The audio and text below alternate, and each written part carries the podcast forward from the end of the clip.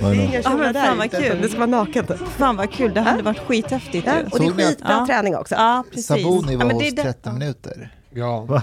Och, de, och programledaren frågade henne om det är okej att man mäter, mäter kjolar på elever Mm. eh, i skolor. Och då Mhm. svarade hon att, eh, att svensk skola har alldeles för få regler än för många. Eh, och Anders Lindberg på Aftonbladet tyckte att det var ett fruktansvärt svar. Att skolan har för få regler, Nej, men man att man mäta mäter... kjolarna. Engelska skolan vill ju inte att tjejer har på sig allt för korta kjolar. Ja. Och så har de mät vid vissa tillfällen att nej, men här går gränsen lite. Att man tar fram typ någon sån här linjal. Ja, exakt. Ja. Ja. Eller liksom från knäna uppåt, eller vad vet man? Alltså, Ja, Nej, det får, inte vara under, det får inte vara under, alltså låren måste täckas. So Ja. this sounds Så like strax USA över knäna tror jag att det, 20s. det ska vara. Alltså jag är Nej. fett Men Anders- kluven. Jag vet inte vad jag tycker om det här. Jo, jag ska... Talibanerna jag, gjorde ju så här också, de mätte skägget. alltså det är ingen dum idé. Det är, om du, I like it, så här, Talibanerna, ingen dum idé. Gian, du har eh, ordnat någon rant om det här. Få höra. Alltså jag tänker så här, i Japan och England där man har klädkoder eller sk- skoluniformer så tjafsar man inte om de här sakerna för det finns inget att tjafsa om. Eh, Men i vårt mycket, mycket förvirrade land har man tappat bort sig själv helt och hållet vad gäller frihet och ansvar. Och vi som samhälle, om vi har gått med på att privata skolor ska finnas, så ska vi också vara okej med att det finns eh, regler på de skolorna. Och de har valt att ha sina regler och sina stadgar. Och då får man rätta sig efter det också. ja, alltså separata badtider. Nej, nej, nej, jag kommer komma Men till det- det också, Taliban. för det är jävligt stor skillnad. Det är det här jag blir mest arg över. Att, att eh, vänsterdebattörer just nu likställer reglerna som finns på engelska skolan med hederskulturen. Det är långt ifrån samma sak, men vi, vi kan komma in på det snart. Men, eh, Vad har ni att om, säga? Men menar du på att till exempel om vi har en eh, islamistisk skola och de, de är redan på förhand säger att de ska ha separata ingångar för män och kvinnor. Ska vi bara anpassa oss och acceptera det? Absolut inte. Det är lite skillnad på om man vill ha ordning och reda i skolan för att man vill ha bra skolresultat än att man vill begränsa flickor och eh, pojkar från att leva ett liv i frihet. Okej, vänta. Låt, låt oss bryta ner det här. Lå, Ja. Låt oss ta kjollängder i svensk skola. Hur lång kjol eller kort kjol man får ha. Eh, vad är det med en väldigt kort kjol som stör skolresultatet? Nej men, nej, men, nej, men så här, så här. Alltså, Ursäkta? Eller någon här, annan av talibanerna. Just nu, just nu, i och med att elever har fått, alltså deras självständighetskamp har maximerats till det absolut yttersta. Det har le- lett till att skolresultaten och att de ska vara bra är inte det som är det coola.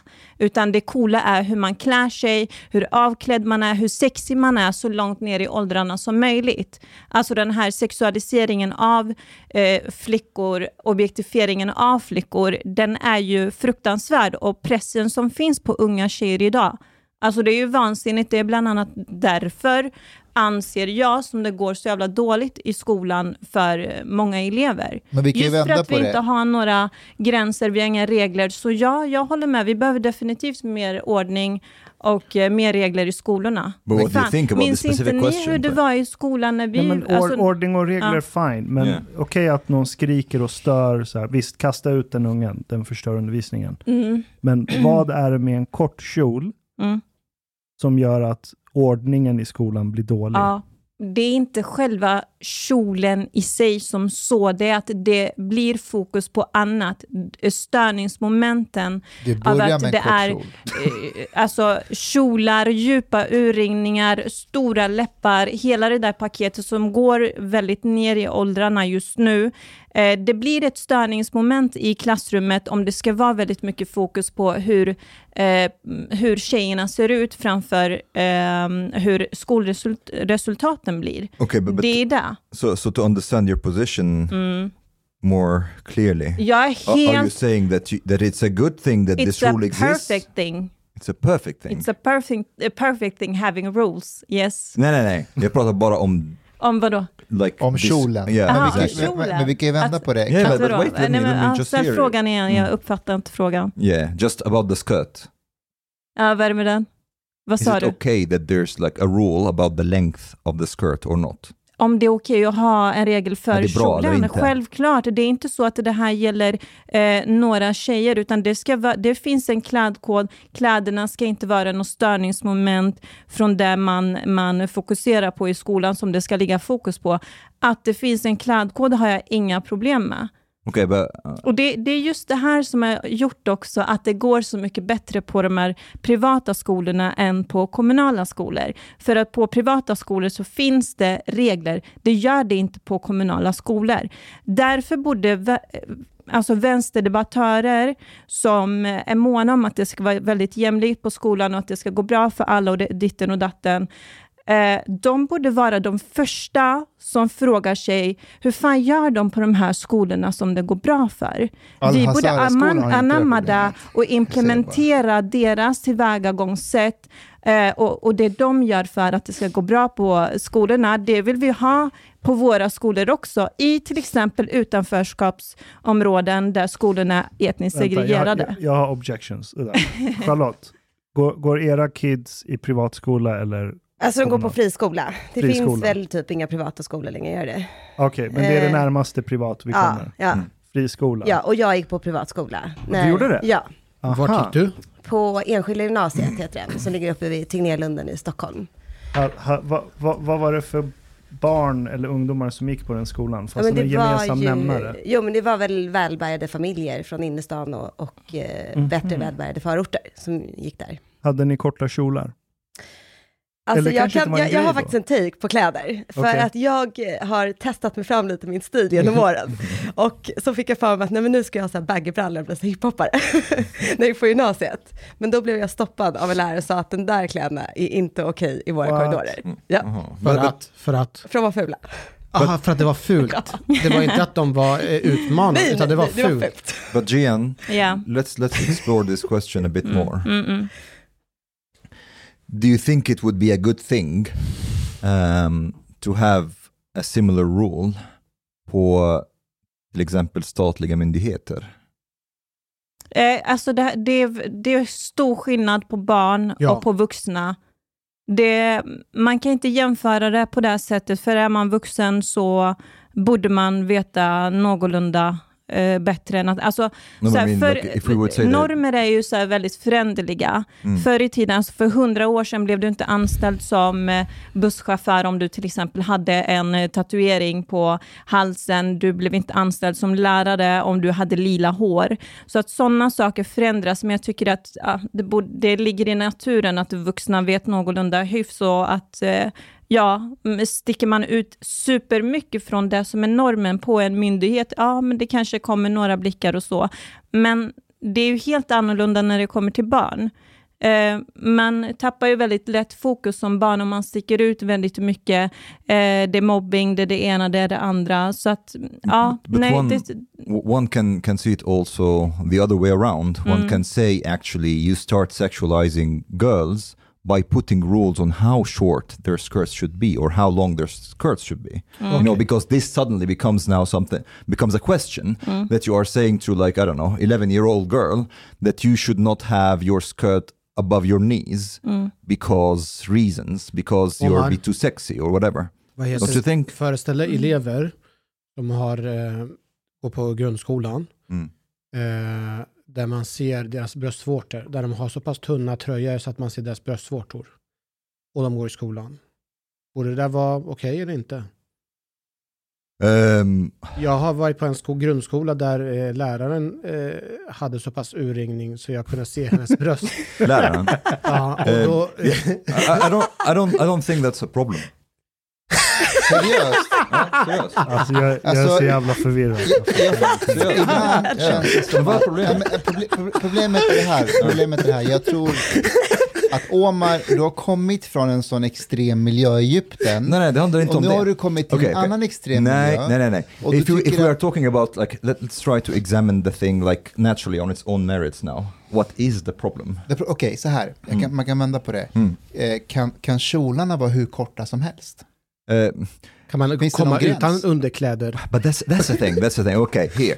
Do we do we really have like have to have a rule, as in like that people shouldn't go to the workplaces or to their schools in in underwear in panties people don't do it because it's like it's a, it's a so, socially i think we should not intervene too much in i think society should develop organically and we should not intervene too much in how in in, in trying to to um, how to say to create these norms in this sense i think it should be up to the to the parents to like you know or or to the girls themselves to decide what kind of like uh, De är små barn, många av dem. Vad fan vet de?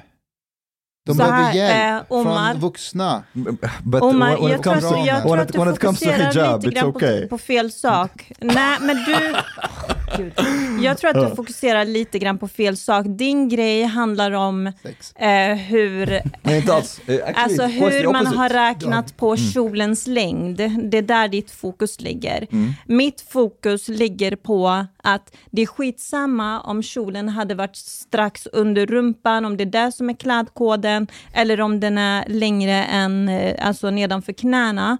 Det hade inte spelat mig någon roll. För mig, jag tänker så här att det finns en klädkod på, på skolan där man någonstans har kommit fram till att gör vi så här och att eh, alla elever får ha på sig detta, då kommer skolresultaten vara bra. Men vänta, kolla. Det är Det är mitt där du fokus. tappar Nej, eh, oss nej. och mig om, om det- skolresultaten. Jag, jag, jag är med Omar att man ska inte intervene too much. Nej. Men att jag frågade dig Charlotte vad, vad, vad det var för skola du gick i och du sa mönstret var att vara välbärgade. Ja. Jag tror det är snarare det som gör att betygen blir bättre i de skolorna. Det tror jag också. Eh, men jag tänker, alltså, där var ju, och det är ju våra barns skola också, eh, det är väldigt tydligt, efter några månader så vet alla lärare i hela skolan vad våra barn som går i sexårs heter. Man får inte springa till matsalen, man ska gå. Och gör man det så kommer någon lärare fram direkt och hugger till och säger, du Otto, du får inte springa här. Det är väldigt tydliga regler. Vi har aldrig haft någon klädkod i skolan. Så, eh, men jag- det som, jag reflek- alltså det som jag tänker på med det här med klädkoder, det har ju varit länge ett mode att eh, unga flickor ska visa magen. Liksom. Right. Eh, och sen kan man ju ha en kort, korta shorts. Alltså, jag menar, tjejer kommer alltid att försöka få till en sexapil, oavsett vilka klädkoder man har. Alltså, så då är frågan om vad, vilka regler ska man ställa upp då? Ska man inte ha shorts heller? Eller ska de också gå till knäna? Eller får man visa magen? Eller hur urringar får man? Alltså det är rätt svårt att, då, då är det ganska många parametrar man ska väl lägga in i det här, inte bara kjolen i sådana fall. Sen kan jag ju personligen säga att jag tror att det ska vara ganska bra att ha eh, skolkläder, alltså skoluniform. Uniform. Det behöver ju inte vara eh, den här traditionella engelska stilen att man har kavaj, liksom. det är inte det jag menar, men att man har, då behöver ingen fundera på vad, vad man ska handla, vilka, och hur mycket kläderna kostar och vilka märkeskläder man har. Inte så, men det gör ju livet enklare. Men att börja mäta kjolar, då finns det mycket annat att börja mäta också. Kan inte vi bara fråga Charlotte, vem är du? Och vad gör du här? Och vem... vad fan gör jag här? Jag vet inte.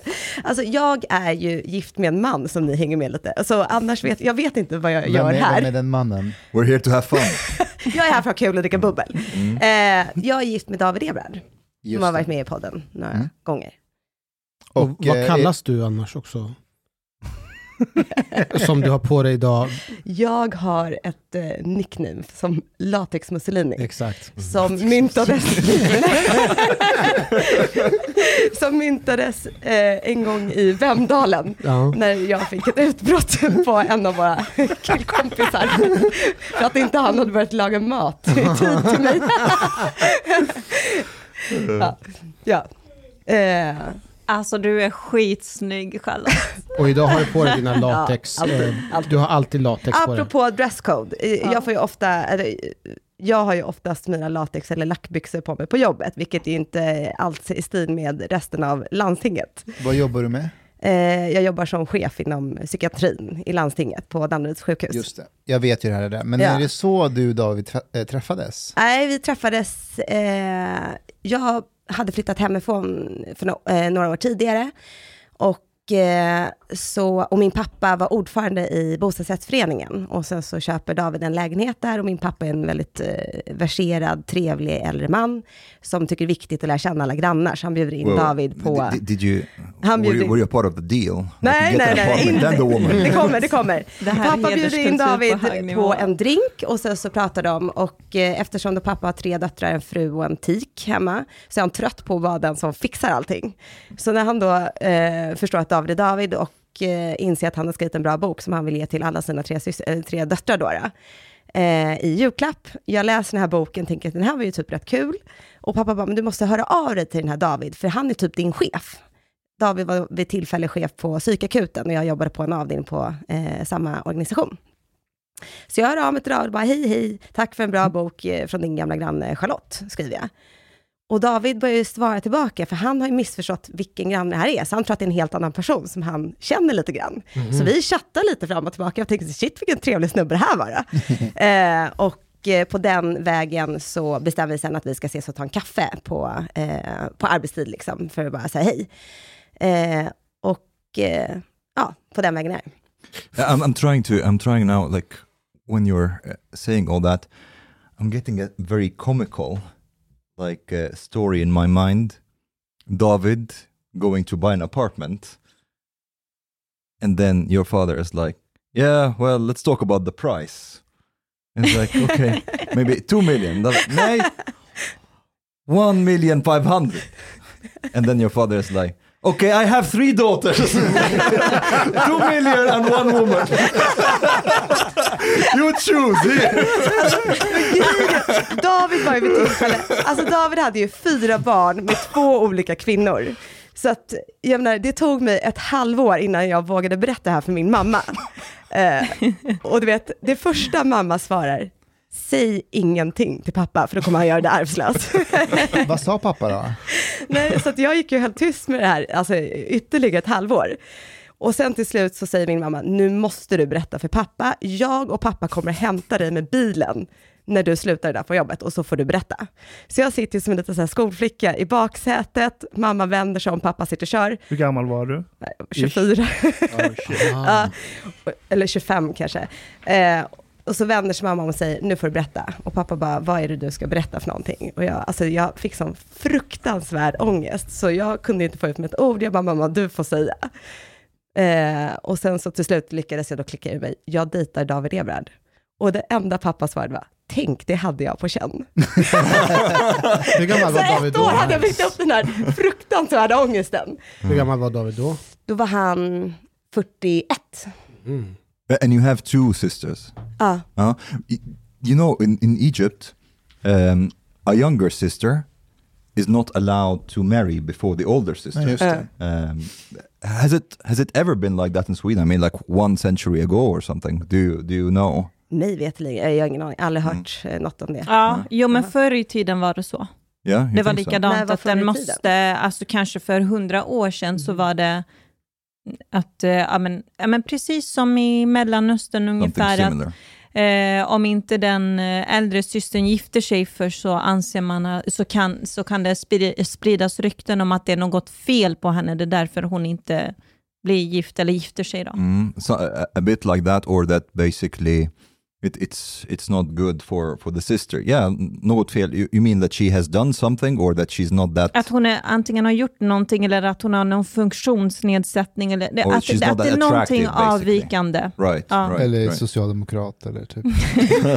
Men vad har det med yngre dottern att göra? Jag fattar inte. Om Because det är fel på den äldsta dottern, så varför ska inte de andra? Nej, alltså Nej. du får Va- inte gifta dig förrän din äldre syster har Ja. gift dig. Ja, men om det är något fel på den äldre systern då? Ja, då kanske du får det. Men Jag har if, ju if something brutit- wrong with her, then you're too bad for the younger girls. Ja, det, det är bara någon dum ordning som har funnits som håller på att försvinna helt och hållet. Överallt. jag har ju brutit typ. i min eh, släkt eller familj. Jag är ju äldst, men både min syster och min bror är ju gifta. But that rule does not apply to guys, though. Nej. It's only the women. Ah, Yeah. interesting. Mm. Min familj är lite mer modern. Mm. Men Okej, så ni har varit gifta det, 15 år nu? ja, vi har varit tillsammans, vi har, eh, hur länge har vi varit gifta? 2009 gifte vi oss. Ja, 12 år. Och hur många barn har ni? Fem barn, Och den fem yng- pojkar. Ja, och den yngsta heter Bill. Bill. Jag, Och när, do- när din man var här så droppade jag en känslig grej. Aha. Det var ju hur du nattade Bill när han var liten. Alltså Hanif, jag måste säga, varje grej du, du, du tar upp med henne, det är någonting med sex eller någonting. Vad är problemet? Det är väl kul? Gör inte om det där. Let him do it. Okej, ska jag klargöra? Ja, gör det. Ja, Det är därför du är här, Ja. bara så du vet. Okej, jag ska klargöra dildo-grejen. Ja. Ja, Dildo-grej.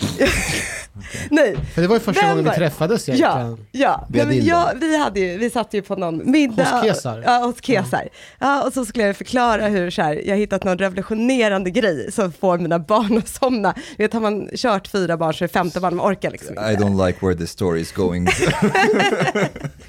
Så jag hittat, då skulle jag förklara, det är någon så här liten apparat som man kan sätta på vagn eller eh, på vaggan då, så, som gör att vaggan eller vagnen skakar.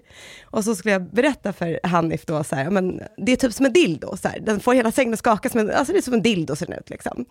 Men du missförstod det här, för Ja, du trodde, ja. Vi hade aldrig sett så du började prata om massagestav och dildo. Så jag var så, ja, det är moderna kvinnor. Ja, ja. Why not? och sen så, sen så bjuder du in David den här podden och, och sen så ska du förklara, du vet att så här, din fru använder dildos för att söva barnen. och så här, polletten trillade inte ner hos David, så han var så här, jaha, nej men det hade jag faktiskt ingen aning om. det var väl en bra idé. och det första som händer, dagen efter att det här avsnittet eh, släpps, så ska jag gå och dumpa kidsen på hockeyskolan. Och så, så vinkar några föräldrar och bara tummen upp, vilket bra avsnitt det var igår. Hade de använt den här dildo-grejen på sina ja, det var, det, barn? det var, jag vet inte, men jag tänker att det, det kanske sprids en. Ja, jag vet inte. you're, you're one episode away from Dildo Mussolini.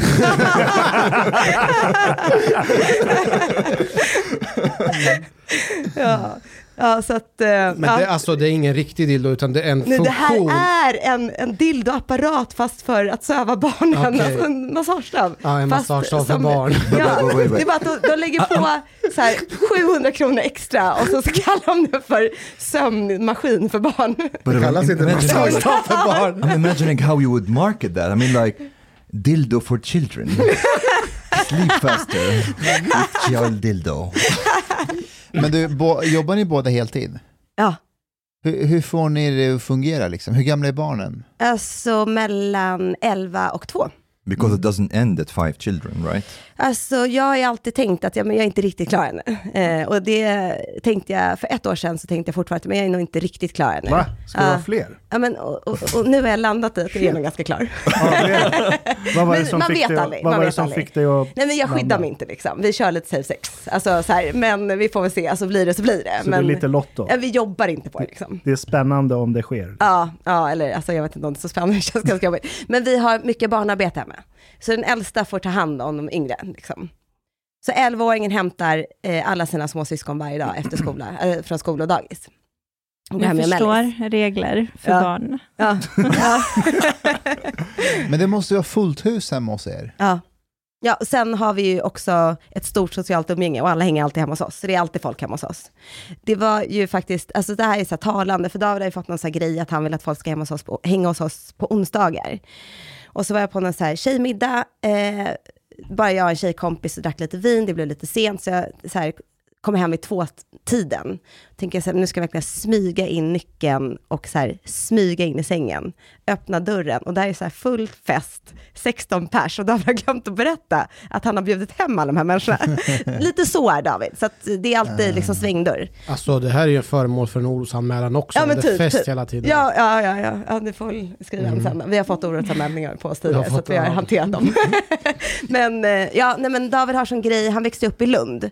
Eh, och eh, där ansågs det, i alla fall i hans familj, eh, att det var oförskämt att ha en låst dörr. För att eh, det signalerar att ni inte är välkomna. Jaha. Och, och det, den delen har David tagit med sig.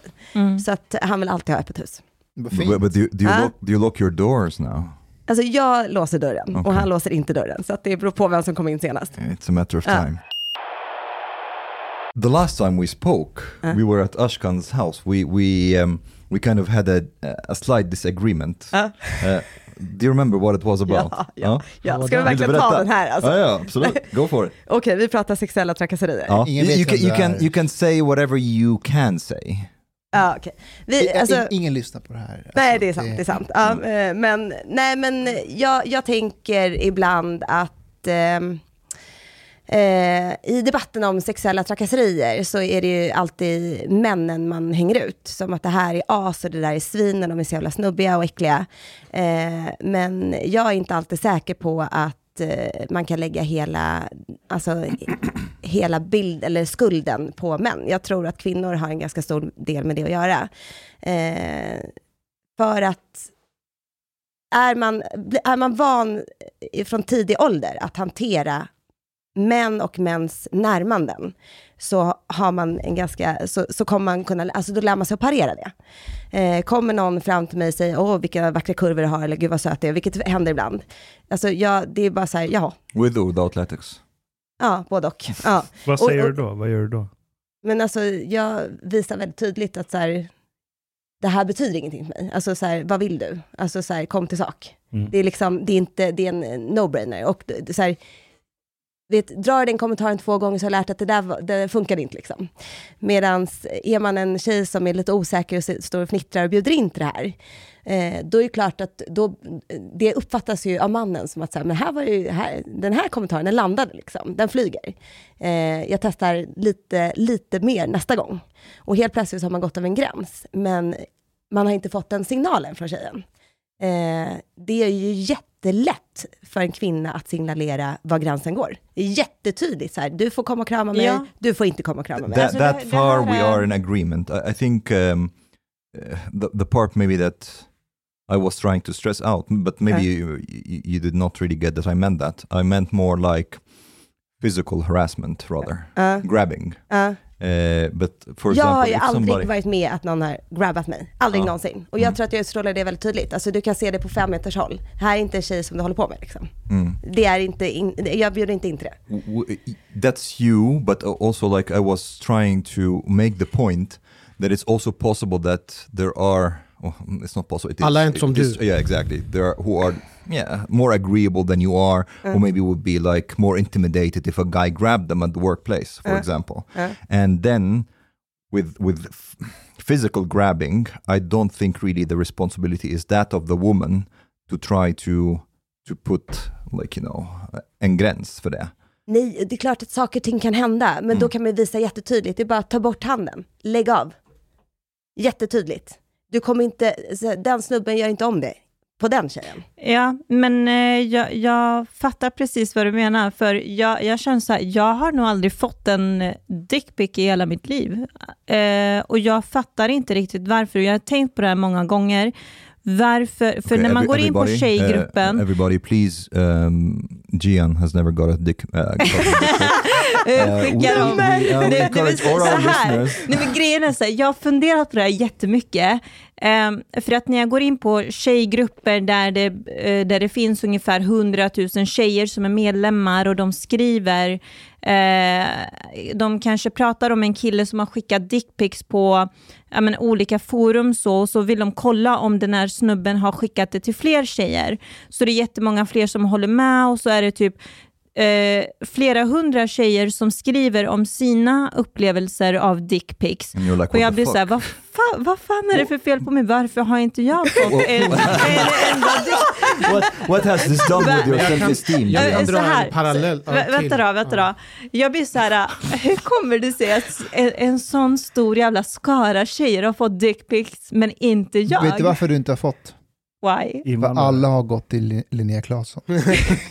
Men jag tänker att det finns en liknande parallell när det gäller att bli utsatt för rasism. För jag menar, på, det fin, vi har ju en del personer som har skrivit böcker om att de blir utsatta för rasism, men jag tänker liksom, varför händer inte det oss på samma sätt? Varför är en del som blir föremål för rasism hela tiden och en del blir liksom aldrig För att utsatta? de ljuger. Ja. De ljuger. Det är Jag, jag måste bara få De ljuger. svara på detta. Det, det är exakt samma sak när det kommer till rasism. Jag förstår inte hur det kommer sig att tjejer som ser ut som jag upplever så jävla mycket rasism och jag har, eh, jag har försökt fundera ut på det där, men mycket av det är fan med lögner. För att de som utsätts för mycket rasism i det här samhället, det är liksom eh, unga invandrarkillar som på olika sätt, eh, sätt utsätts för rasism genom att de kanske inte får arbete, de, får inte, de har inte lika stor chans till att få lägen, egna, egna bostäder. Och det är också afrosvenskar som utsätts för rasism. Men jag tappade helt när det är unga tjejer som ser ut som jag som skriker om att de upplever väldigt mycket rasism. Det gör de fan inte. Det är inte sant. Det är sexism. Okay, I, Nej, I think, men jag blir arg för att det tar bort fokus från de som faktiskt upplever rasism på riktigt. I, I agree with you partly because Shit, I, I jag don't. skriker väldigt mycket va? Jag måste lugna ner mig lite. it's okay. Well, I, I don't think that all of these people are necessarily lying, uh, even when when it's not really about racism. I think a lot of people are just have been really brainwashed in, into this victimhood mentality that they actually they are delusional. Uh, um, this is something that I talked about before, like those those uh, Syrian asylum seekers that were uh, in this place that I was in, uh, who thought that Swedes are racist because they don't say hey to them on the street, uh, or or when I was at a, at a birthday party and and uh, with other two girls with with um, immigrant background, and we're like we we drank a lot and we're going out of uh, the hotel. And then the bartender was just like asking very politely whether we have paid our bill. We were going out to take a smoke and they flipped the fuck out and they were like what yeah you would never have asked that if we were like Yeah, white yeah. swedes and i was like what the and they, and they, they they were also like because we were having an argument about that me and them and they were like looking at me like see this is everyday racism in sweden i was like what the fuck are Alltså you de on hade about ju lätt frågat mig också. Och jag hade ju lätt kunnat gå utan att betala om inte någon hade sagt till. Alltså, jo, ja. Det där händer alla. Har du fått dickpic? Nej, aldrig. Nej. Aldrig. Inte ens av David. Jag säger pass på den. när, när Som men det, det, jobb, det jobbiga med att eh, människor som faktiskt inte upplever rasism, eh, att de håller på och pratar om det här så mycket, det är att de som faktiskt upplever rasism på, rik- på riktigt, de, eh, det blir att man tar inte så, så stort allvar på detta. Och då kommer man inte heller fram till lösningar eller till ehm, ja men så. Det, det blir inte så allvarligt. Plötsligt så ser man att ja, men det är väldigt många olika grupper som säger att de upplever rasism. Och då blir det istället en, en, eh, något vanligt att prata om och då tar man inte på allvar på de som faktiskt upplever det på riktigt. Och det, det, det är det som stör mig så Ja. otroligt mycket Men i vi, vi har frågan haft om en rasism. sån diskussion på, um, på en arbetsplats jag har jobbat på. Eh, där det var eh, två kvinnor som, ja, några år yngre än jag, som, som anser att det, de har det mycket tuffare än vad jag har, för att de har utländsk bakgrund. Eh, och eh, att de måste kämpa mycket mer för att komma uppåt. Och då tänker jag så här, fuck vad jag har hamnat i blåsväder på mitt jobb. Alltså, vet, jag har varit så sjukt ifrågasatt, ledningen har typ så här, inte velat ha mig kvar stundtals för att jag har varit fett jobbig. Alltså då hade jag kunnat skylla på att det är för att jag är ung kvinna. Alltså så här, man kan alltid hitta bort förklaring. Eller till slut så kanske man bara ska så här, fundera på, jag kanske har gjort någonting som så här, gör att ledningen tycker att jag är lite problematisk. Alltså det, det är ju också ett sätt att skjuta ifrån sig några andra problem. För det kanske är så att får man någon kritik så kan det handla om att så här, ja, men man kanske har gjort någonting också. Det är Men inte, jag, får jag bara säga, jag, när jag hörde prata om just sexuella trakasserier och det här, det är så här, jag fattar vad du menar. Vi satt här häromdagen med Bianca Kronlöf, vet ni vem det är? Nej. Hon är ju komiker och har skrivit den här boken eh, Brev till mannen, Ja. som blev typ jättehyllad av eh, kultursidor. Hon var med i Min sanning igår. Jag har inte tittat på det. Ja, men hur som helst, vi satt i tre timmar och eh, hon är en sån här som vill bjuda män till samtal för att prata om manlighet och mansnormer och sådär. Jag förstod inte vad det var, vad det var hon ville i tre timmar. Mm. Och när jag kom hem så tänkte jag mycket på det här, så här, varför förstår jag inte vad det är hon vill? Och det jag insåg var att, okej, eh, personer som hon säger till män att jag vill bjuda till ett samtal för att prata om destruktiva mansnormer, sexuella trakasserier. Eh, så när män kommer till det här samtalet, rätt motvilliga, då märker männen rätt fort att det här är inget samtal, det här är en föreläsning om vad jag gör för fel. Mhm. Men inte heller något konkret om vart vi ska vara på väg någonstans. Alltså, vad är målet? Vad vill vi uppnå? Det du säger nu, det är att alltså, kvinnor måste lära sig att säga ifrån Mm. på skarpen. Yes. Sluta göra det Eller här mot mig. signalera, det behövs inte vara på Skype, man kan bara visa väldigt tydligt med sitt kroppsspråk, tre meter bort. Vem ska lära dem det här då? Om Nej, det men jag tror att det är så här, livet. Liksom. Ska, är, Man det lär sig från som, ung ålder. är det kvinnor som ska lära sig eller är det män som ska sluta och tafsa eller liksom Nej men så här, vadå, det är det är ett samspel. Alltså, man måste testa sig fram. Var går gränser? Var går min gräns? Vad, var går min gräns? Vad tycker jag är okej? Och männen måste väl då, och det här kan ju vara motsatt vice versa också. Det behöver ju inte alltid vara en man som trakasserar en kvinna. Alltså det kan ju mycket väl vara tvärtom. Det har jag sett många gånger på jobbet. Alltså, var går min gräns? Och vad är okej acceptabelt? Hur kan jag läsa av den här människan? Det är ju som att ragga, så här. man måste ju läsa av människan framför mig. Så här, är den mottaglig för att ragga? Hur långt kan man gå? Kan man börja ta på den? Kan man inte ta den? Så funkar ju raggningssituationer. Charlotte, handlar inte allting det här om att det egentligen det finns olika grupper? Du har personer som är attraktiva, Mm. de har möjligheten att tafsa och ragga och kvinnor tycker att det generellt sett att det är väldigt trevligt att bli smickrade. och sen så har du personer Attraktiv som som är har möjlighet att tafsa. jag, tror, jag lovar Inte dig, kladda. alltså så här, jag lovar dig så här. Föreställ dig så här, Omar, du kommer hit som en flyktingpojke och så, så kommer en jätteattraktiv attraktiv kvinna och börja eh, tafsa på dig. Du kommer nog inte ha några problem. Jag tror att det finns en aspekt av att det är fula eller kontra eh, fula eller snygga män. Medan snygga män har mer möjlighet och friheten medan fula män inte har samma möjlighet. Då blir det trakasserier. Nej, men, alltså, nu pratar vi så här ful-snygg. Alltså, det finns ju så mycket annat. Attraktiv, oattraktiv. Du kan vara intelligent, du kan ha en maktposition. Det finns ju massa andra saker Ja. som gör en person attraktiv. och då är det Men- okej. Alltså, jag menar, jag hade ju inte velat... men jag, inte alltså okej. grejen om en attraktiv man närmar sig mig, så är det klart att så här, det kan ju jag tycka är lite trevligt. Ja. Eh, Om en oattraktiv man äh, närmar sig mig, då kommer jag visa på fem meters avstånd. Alltså, här är det, inte, det är ingen idé. Liksom. Och det är det här som skon klämmer, att många män tror att de är attraktiva fast i själva verket så är de inte det. Och det är därför de blir föremål för... Vi hade ju en situation på en arbetsplats där det var en av, en av mina kollegor blev eh, närmad, eh, det var två snubbar som närmade sig henne vid olika tillfällen. Så här. Och kom med lite chokladaskar, det var lite hit och dit, att någon skulle så här, smörja in sig lite, ja men liksom eh, få någon så här halva tummen in liksom. Och hon bara, men för fan, de är så jävla sliskiga de här snubbarna liksom. Så en dag när de kommer in där, eller en dag de kommer in, hon bara, alltså jag är verkligen upptagen. Men eh, Linda där borta, vart- hon är singel. Så den här snubben tar sin chokladask och går över till Linda, som han aldrig hälsar på. Och sen lämnar lite chokladask, hade henne på Facebook. Och Linda kommer in till oss och bara, det är så konstigt. För Kalle, han har gett mig en chokladask och hade mig på Facebook. Så då började jag ju uppvakta henne istället. Och vi tyckte det var skitkul. Jag verkligen Alltså. Blev de ihop? my father, he still has two daughters. Ja, men alltså, och det där kan ju vara lite kul. Alltså man måste ju göra det till en kul Men grej. gjorde alltså. han det med charm eller var han bara förvirrad Han och var bara... sliskig kille liksom, men det var ju lite kul. Alltså det var, inte, det, var, Ja. det var inte så att han tafsade på någon. Men alltså, alla de här reglerna Han ville uppvakta. all den här uppmärksamheten som män har fått, minsta lilla eh, move de gör, att det blir äckligt, sliskigt och att, den track, alltså att det är tra trakasserier, det har ju för fan gjort alla män till sådana mesar. Alltså, jag kan Alltså säga här, på mitt jobb, kvinnor vill inte ha det alltså så. på mitt jobb, riktigt. då är det ganska många kvinnor som går över, överträder väldigt många gränser kan jag säga. Exakt, Mm. Oj, jag håller give us some med. examples. Ja, men jag vet inte vad jag kan göra. Vi hade, vi hade en, eh, en av våra chefer var ju väldigt fysiskt med många man, m- män Mm. och kommer ihåg masserar ryggen ba- eh, så här, eh, håller på med ör, kvin, kvinnlig chef, håller på med öronen, slickar någon här och där. Nej, Ja. Ja. Oj! Vad?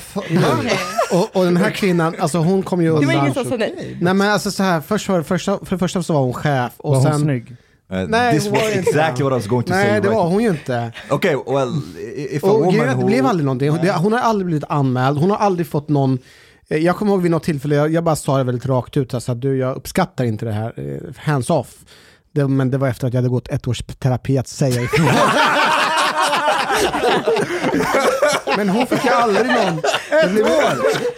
Ett år! Pratar om det där i ett år med terapeut? Nej, men jag hade gått terapi i andra sammanhang och hade lärt But mig att sätta gränser. this is what I mean. Ja. There are people who have Som difficulty att säga ifrån. Ja, ja, ja. Förstår ja du? jag köper det. Ja. ja. Det finns många Hanifar And then you will have like a, a boss who's like licking their ear and stuff. Like, uh, Så, så, här, så här är det va, att Man, man kan inte reglera sex. Du kan sätta en gräns vid våldtäkt. Men du kan inte hålla på och reglera så här. Ja, du får säga den här kommentaren, men du får inte säga den här kommentaren. Är man på en bar så får man göra så här. För sekunden du börjar reglera, då kommer du behöva reglera hela vägen upp till sharia.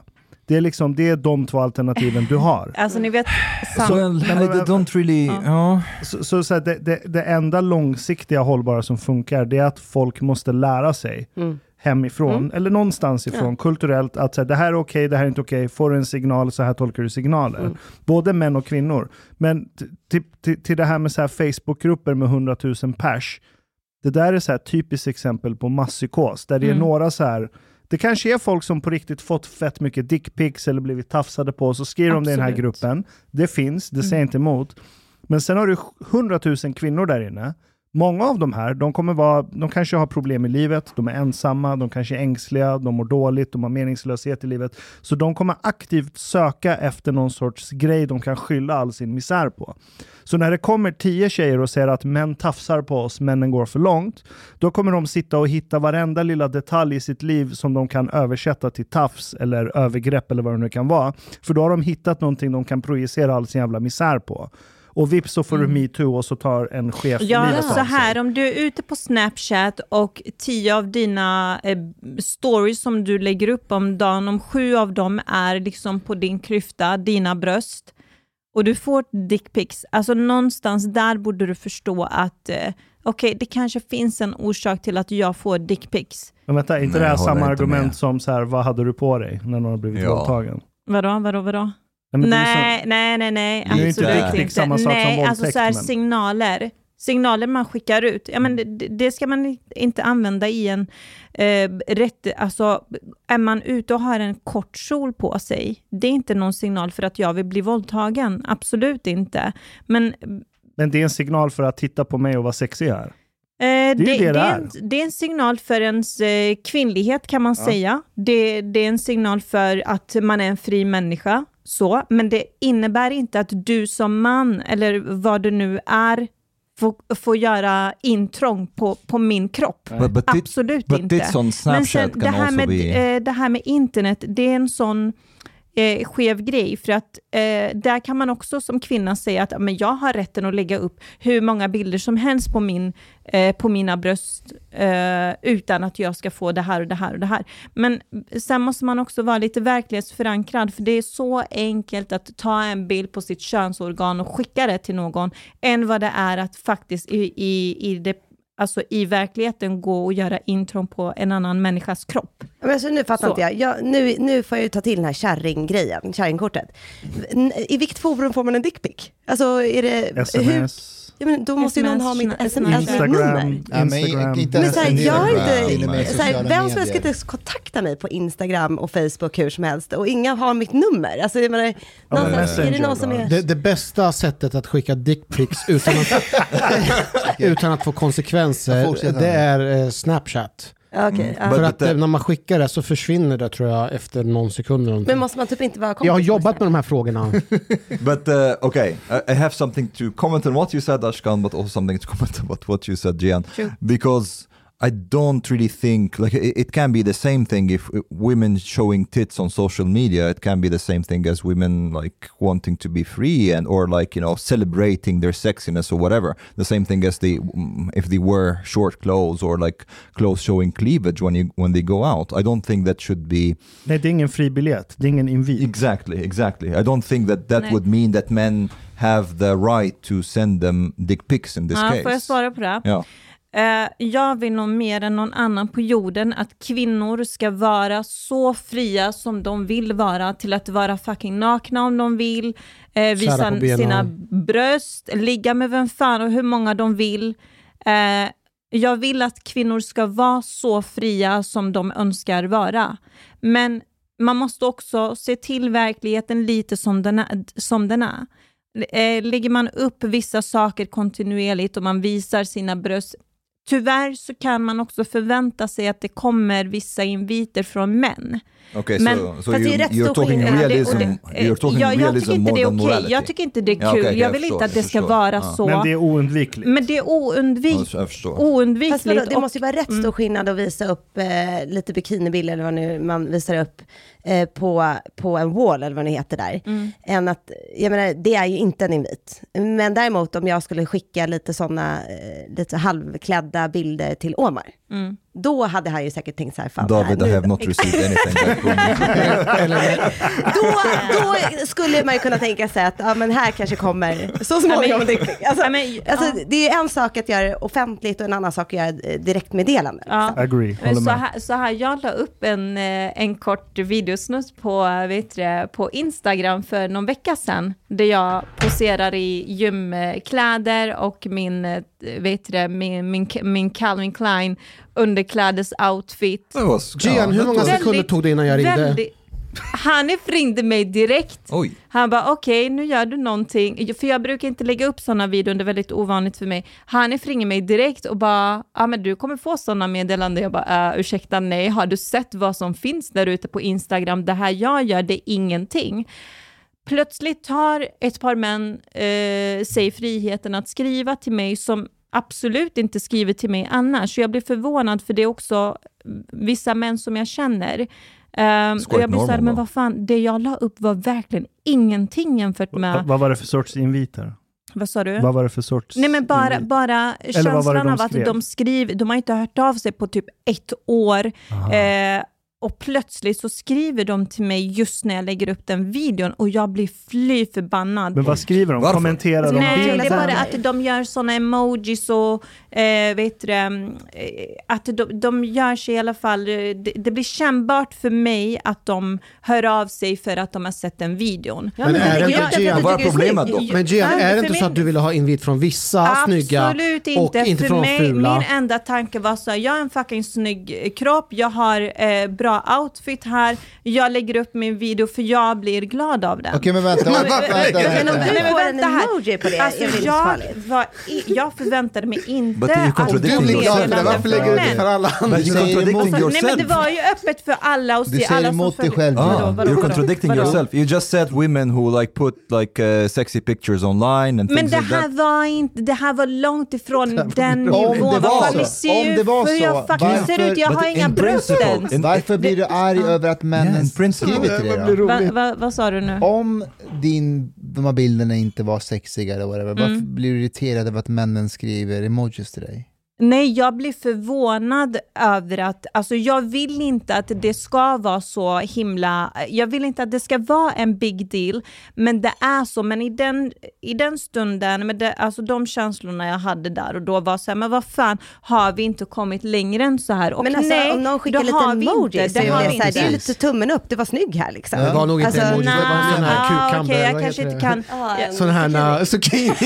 Det, det var Fick du en zucchini? Nej, men det, det här var så persika. Uppenbart och så tydligt. För mig hade det varit så här, när jag lägger upp mina andra bilder också, ja men vad, då har, har du kunnat höra av dig under de här eh, två åren som Men de vi inte inte har var snygga. hört. Precis. Vad sa du? Jag Jag tyckte tror- de inte var snygga, alltså de bilderna. Vadå? Alltså, det, var inte, det var inte de bilderna som han gick igång på. Liksom, Nej. eller de Nej, men, men så här, det är det jag försöker säga att ja, men eh, det bli, nu när jag la upp den här videon så var det så här, okej, för vissa uppfattas det som en jävla invit. Men Och jag vi såg nämligen den här inte- filmen. Ja, Ja, vi och den var ju inte- skit, alltså det var ju skitsnyggt. Så jag Ja. tänkte också, jag skulle också kunna skicka lite emojis. Alltså, och Ja, lite persika. absolut, det är helt okej.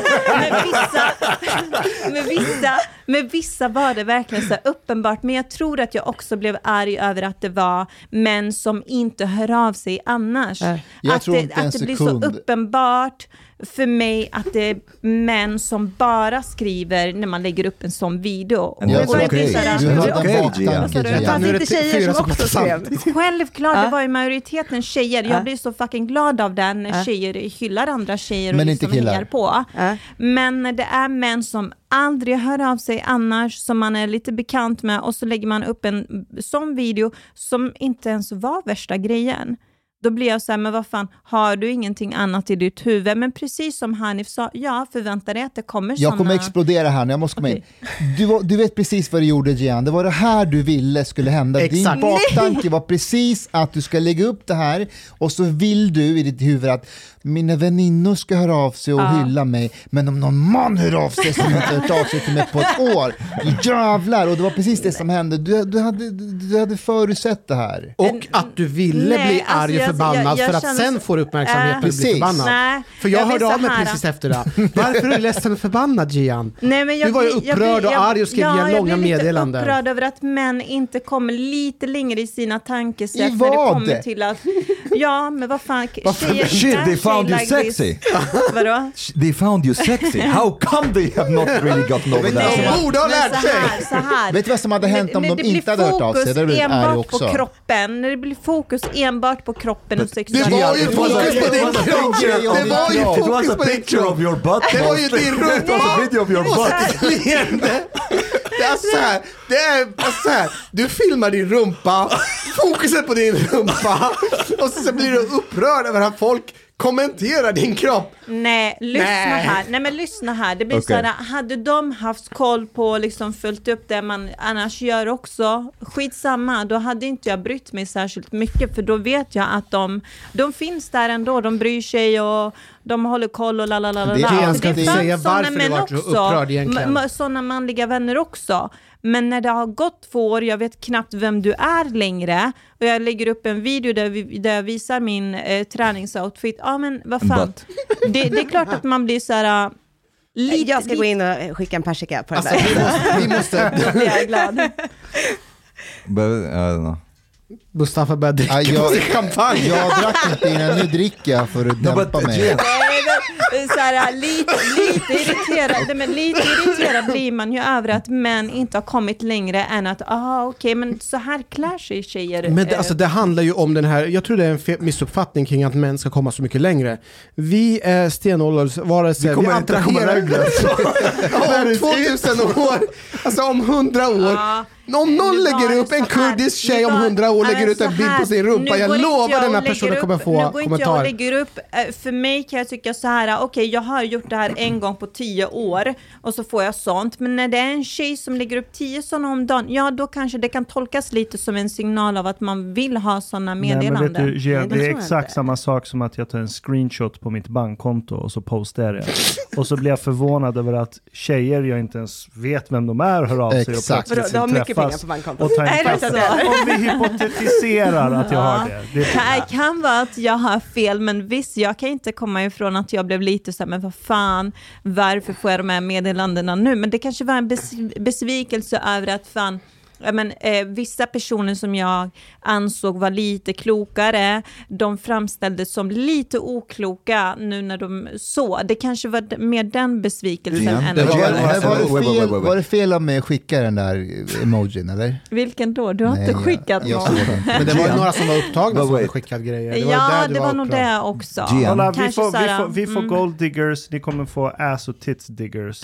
Ja, But Sorry. Gian, I have a question, and you have Sure. to answer Sure. very honestly. ja. Do you do you really like you? Are you more disappointed with that reaction than if you haven't gotten any reactions? all? like imagine you put that video up and it's like you know crickets out there, not a single person. Like, what is this? Jag, jag hade nog... Vi har, vi har kommit längre än så. Still ass in the video. Ja, nej men det är sant, det är sant. Du har en poäng. Jag, jag, jag hade blivit ledsen om det inte hade kommit några reaktioner alls. Det sant. kommer tillbaka till min slutsats att det handlar om rätt personer måste La. kommentera. Inte rätt personer nödvändigtvis, personer. Men, men gärna om det hade varit så här kloka personer som bara, okej men den här personen har jag av mig till annars också. Eh, när den inte lägger upp eh, lite mer hud. Så. Tips är ju att du skriver under att bara personer som har hört sig får. Exakt. Ja. Fast jag vet inte om jag köper. Alltså om jag hade skickat så här persikor och bara nice ass buddy. Då, Det hade äh, varit weird. Det hade varit Fan. weird, för det är så här, vi har, ja men Ashkan, vi umgås, vi träffas ofta, vi har inte den relationen riktigt. Vad gör du? Så vem Typ ska så. skicka persikorna till dig då? Tjejerna ska skicka, Tjejer- bara, ah, men shit, Och fortsätt träna. rätta killar. Du. De rätta killarna. Nej men alltså Är inte killar jag som... rätt kille? Vad sa du? Har du sett mitt bankkonto? Chang hade varit rätt. Vad fan är han? Nej, han det är var så här, hade Chang gjort det, alltså man Chang kommer undan med känna allting. av, ja, man behöver känna av känslan lite också. Jag tror att det är det jag är frustrerad över också. Att man inte kan känna av känslan lite. För hade du, när du ringde och bara, bara blev väldigt förvånad och bara, ja men förvänta dig det och det och det. Jag hade blivit skitsur. Men jag har en annan relation till Ashkan. Hade han skickat en fucking persika, jag hade blivit förvånad för jag har en helt annan relation till Ashkan. Samma sak med Mustafa och Omar. Alltså, eh, Vem hade kunnat skicka en Mustafa- persika? Alltså vem, vem i gruppen? Mustafa som så här, Mustafa. helt och hållet insnöt sig på sin relation. Hade, Ja, han, kommer vänta, vänta, hade han skickat en persika, jag, jag hade tänkt direkt shit, det är någonting fucked up som är på gång i hans relation. Hade du ringt För Ida? Jag hade Förlåt. ringt Ida och det, bara, det, Ida, det, vad är det Nu som är, jag, händer? nu är jag jättetrög. Jag Och om fattar inte det Omar här med skickat en persika. persika? Persika är. Omar, Rumpa. alltså, jag, nej men jag är Men mer jag trodde- förvånad över att Omar inte skickade en persika. Jag har kommit längre än så.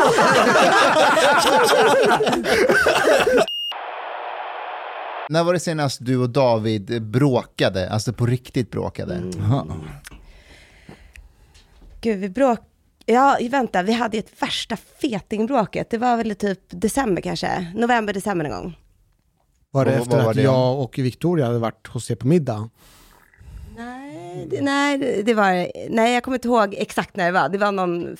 Nej, eh, Men jag vill veta, för jag har en bild av att ni båda är såna här envisa, starka personer. Ja. Så jag, vill, jag vill veta hur ett bråk mellan herr och Okej, fru ett Eberhard går vanligt till. bråk är att eh, jag eh, lackar på någonting. Så det finns en droppe som får bägaren att rinna över. Och sen så försöker David då ibland att parera det, alltså det vill säga jiddra emot. Och, och då, han. det pallar inte jag, utan så här, när jag tycker någonting, då gäller det att inte, då måste man vara väldigt balanserad, annars så smäller jag. Och då blir jag jätte, jättearg. Så David är lite tofflig hemma, liksom. han är väldigt, väldigt toffel. Oh. Alltså, han är jättesnäll och, och ibland försöker han liksom ta lite ton. Men grejen att om man tar ton på mig, då blir jag dubbelt arg tillbaka, så det, han har lärt sig att det är liksom ingen idé. Nej. Men vad kan ni bråka om då? Är Nej, det så alltså- små fjuttiga grejer? Nej, men Eller? alltså vi bråkar ju kanske två gånger per år. Någonting. Alltså det är inte ofta och vi bråkar aldrig om städning eller hämta barnen och sådär. Alltså vi har inte de här vardagsspråken. Men eh, det kan väl vara när man tycker att någon har...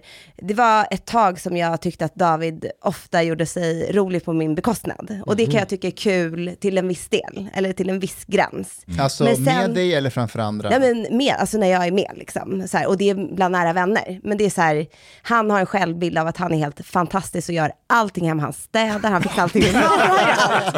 Eh, och han är aldrig borta heller. Alltså det, det är hans bild oftast av sig själv. Och så tänker jag så här, fast alltså, jag vet typ ingen snubbe som är borta så mycket som, som David. Alltså det är poddar och det är middagar och det är jobb, jag vet inte allt vad han gör för någonting. Men han David ser, han ser inte det här själv riktigt. Eh, sen är jag ju också borta mycket, så, att, så här, jag säger inte att jag är mycket bättre, men han har en bild som inte jag tycker riktigt stämmer överens med verkligheten.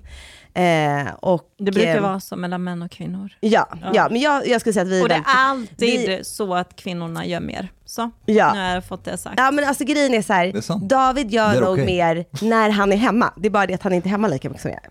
Eh, och eh, det, sånt kan jag lacka på, när, jag, bara- alltså när, hans, när han är för upplåst i sin egen förträfflighet. Alltså, då, då, då, alltså då, så här, till slut så får jag ta ner honom lite på jorden. Men är det inte väldigt mycket på skämt också, eller upplever du att Nej, alltså han menar allvar. Ja, han menar allvar.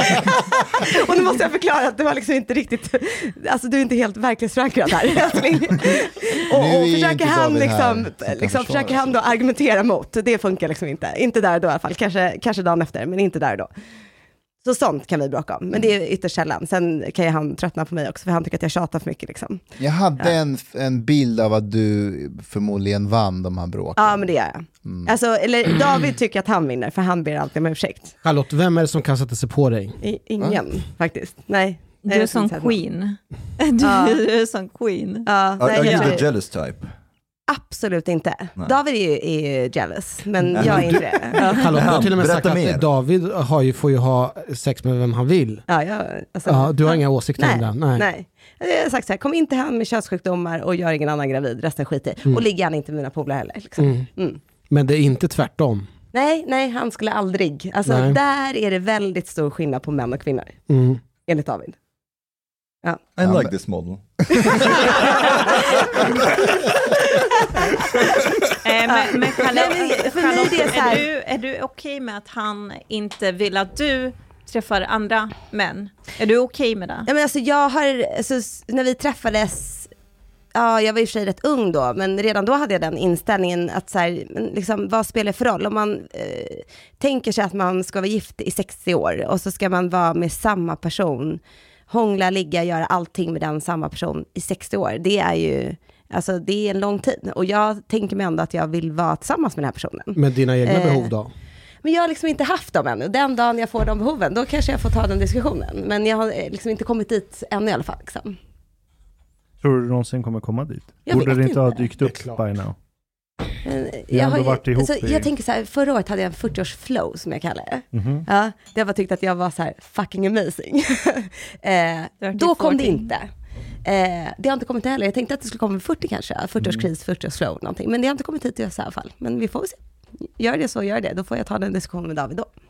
Kan vi ta det här, alltså i podden? Uh, ska vi ta, uh, ska vi Nej, ta den alltså, i podden? nej, nej, men ja, ni jag, kan, jag kan skicka en länk till här. Ashkan då. Nu är det dags. Nu, nu tar vi det. Och så, så berättar vi ingenting för David innan. But, uh, but this, Utan får bara bjuda in oss. Like så sounds, this sounds almost Marxist.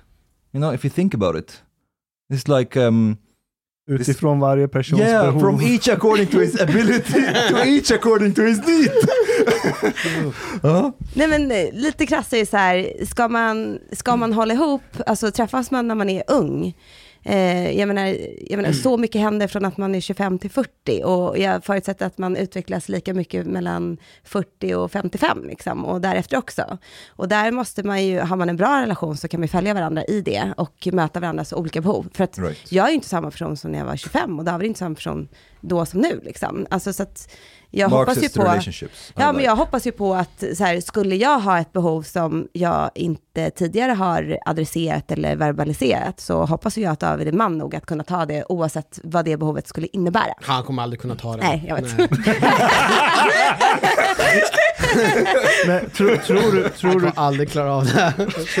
tror, tror du det finns människor som aldrig kommer få det behovet under sitt liv? Förutsatt att de har en partner de verkligen Men om. jag tänker också så här, det beror lite på vad man utsätter sig själv för. Alltså jag menar, går man in i det rummet eh, och alltså, där är återigen så här, börjar man flirta med någon öppnar de dörrarna, då är det klart att då, då börjar ju, in, alltså då kommer ju inviter, både från alltså att man ser de inviter som ges och att man kanske närmar sig dem. Eh, men väljer man att stoppa redan på tre meters avstånd, att så här, alltså vi är kollegor, ingenting mer, då kommer man inte hamna där. Så att jag tror att man kan välja långt innan man hamnar, hamnar i en situation där man liksom börjar hångla eller börjar få en känsla för någon. Så du har inte öppnat den dörren än? Nej, jag tror inte man ska göra det. Men jag, jag har en Mm. annan teori att det, att det handlar om alltså framförallt attraktiva kvinnor. Mm. De får väldigt mycket bekräftelse utifrån deras utseende. Men ju äldre man blir, och det kommer du också bli fast att du är väldigt attraktiv nu, Mm. så kommer man börja märka att man börjar bli lite äldre, man Ja. får inte lika mycket inviter. Eh, Och då kickar det igång att man måste börja revanschen eller? revansch och Ja. man börjar söka de här bekräftelserna. Is this true though? Alltså jag får ju så, jä- alltså, jag vet inte hur, det ser ut på din friend request på Facebook, men alltså 90% av alla som requestar, äh, som, som vill bli vänner med mig, det är, ju, det är ju kvinnor som är över 50 års åldern och man har sett att de har haft bäst, deras bäst för... Go for it, go for it. Don't go there. de, har sett, de, de har sett bra ut en gång i tiden. Ja, men ni vet hur det ser ut i Monaco till exempel va? Eh, Och i eh, alltså Monaco. länder där det finns, alltså Ja. små, små stater eh, där det finns väldigt många rika änkor. De köper ju väldigt, de köper ju eh, sex av eh, unga, unga män. Mm. Men vadå, det är väl också trend, alltså det trendar väl också bland influencers, alltså, eller många kändisar, att de träffar så här snubbar som är Mm. 10-20 år yngre. Ja, jag menar bara att det här fenomenet pratar man inte riktigt om. Kvinnor som köper sex av unga män. Mm. Det pratas det inte så mycket om. Det kommer bli ett ämne. Ja, men eh, ja, jag, jag kanske hamnar där när jag är 50 då. Ja. Ja, är det så? Men då är Ja, du för det- gammal, jag du för tror gammal, det. så jag Jag tror ju det, Ja. att det kommer hända Ja. för dig. Ja, tack. Eh, för så nu är du trygg med eh, Ja. allt det där, men sen om fem, tio år, Ja. eller om Och tio då, år. Om 10 år, då är David Ja. 65, alltså då kommer han få det svettigt alltså. Ja. Omar, du, eh, nästa avsnitt troligtvis som vi spelar in, inte nästa men nästnästa, då kommer du vara pappa Eh, med största sannolikhet. med största sannolikhet. Mm. Hur går tankarna och känslorna nu? I think it has not hit me yet. Inte än. Nej. Nej. I think when I when I see the baby, then I will start to like, oh, wow. But no, until Ni I har have inte börjat att förbereda någonting? Yeah, yeah. all all is like prepared, but the Barnvagnen reality står of it, Ja. huh? Barnvagnen står redo, Yeah, yeah. sängen. everything, Ja. but like the reality of it has not really come in into my mind. Så var, så var det för mig med. Ja. Det, alltså det var efter, långt efter födseln. Det slog, Långt Ja, efter? det var, det. Ja. Oj. så här, jag, jag, jag, var skeptisk och jag hade rätt. Det kanske inte är så för alla. Men den här idén att så, här, så fort barnet föds, i alla fall som mannen, att du får den här, åh, nu får du en instant connection med den här människan och det. Ingenting av det. Mm. Däremot, det var en switch i skallen där det var duty, alltså plikt, Right. på en nivå jag aldrig har känt förut. Och det var liksom provider-plikten. Liksom, det ska finnas pengar, det ska finnas mat, det ska finnas trygghet. Allt det kom bara automatiskt, jag behövde inte ens tänka. Som en riktig man. I guess. Men, men den här, så här connection till barnet och verkligen börja känna att det tog ett långt tag. Alltså det var inte som att lång jag... tid? Svårt, för minnena är ganska blurry, men Mm. alltså det kanske tog ett halvår liksom, innan det verkligen kom så här: wow, du är verkligen min dotter och jag har en connection med dig. Jag kunde titta henne i ögonen. Det där Men- är... Men det var inte så att liksom, att jag bara tittade på henne och bara, "Pff, vad är du för någonting? Det var ju inte så. Nej. Men den här djupa kopplingen, det tog ett tag. But Men- did you spend a lot of time? Ja, ja, ja. ja. Jag, Mm. jag, för, för på den tiden då föreläste jag bara. Mm. Eh, och hon föddes på sommaren och då är föreläsningsvärlden helt död. Eh, så jag var ju hemma i typ två månader varje dag. Eh, och sen var jag hemma liksom minst tre, fyra dagar i veckan på heltid. Eh, under de första sex månaderna i alla fall. Så det handlade inte om tid som jag inte har spenderat, för jag spenderar nog mer tid än de flesta kan göra. Eh, som jobbar på kontor eller heltid eller så här. Eh, men som sagt, det var inte så att jag bara tittade på honom, vad är du? Du är en random människa. Det är inte så det var. Mm. Det var fortfarande så här, shit, du är mitt barn, holy fuck. Men att få en connection, det tog ändå tid.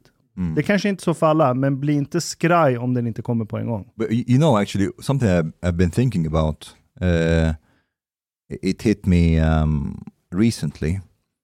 How, in a sense,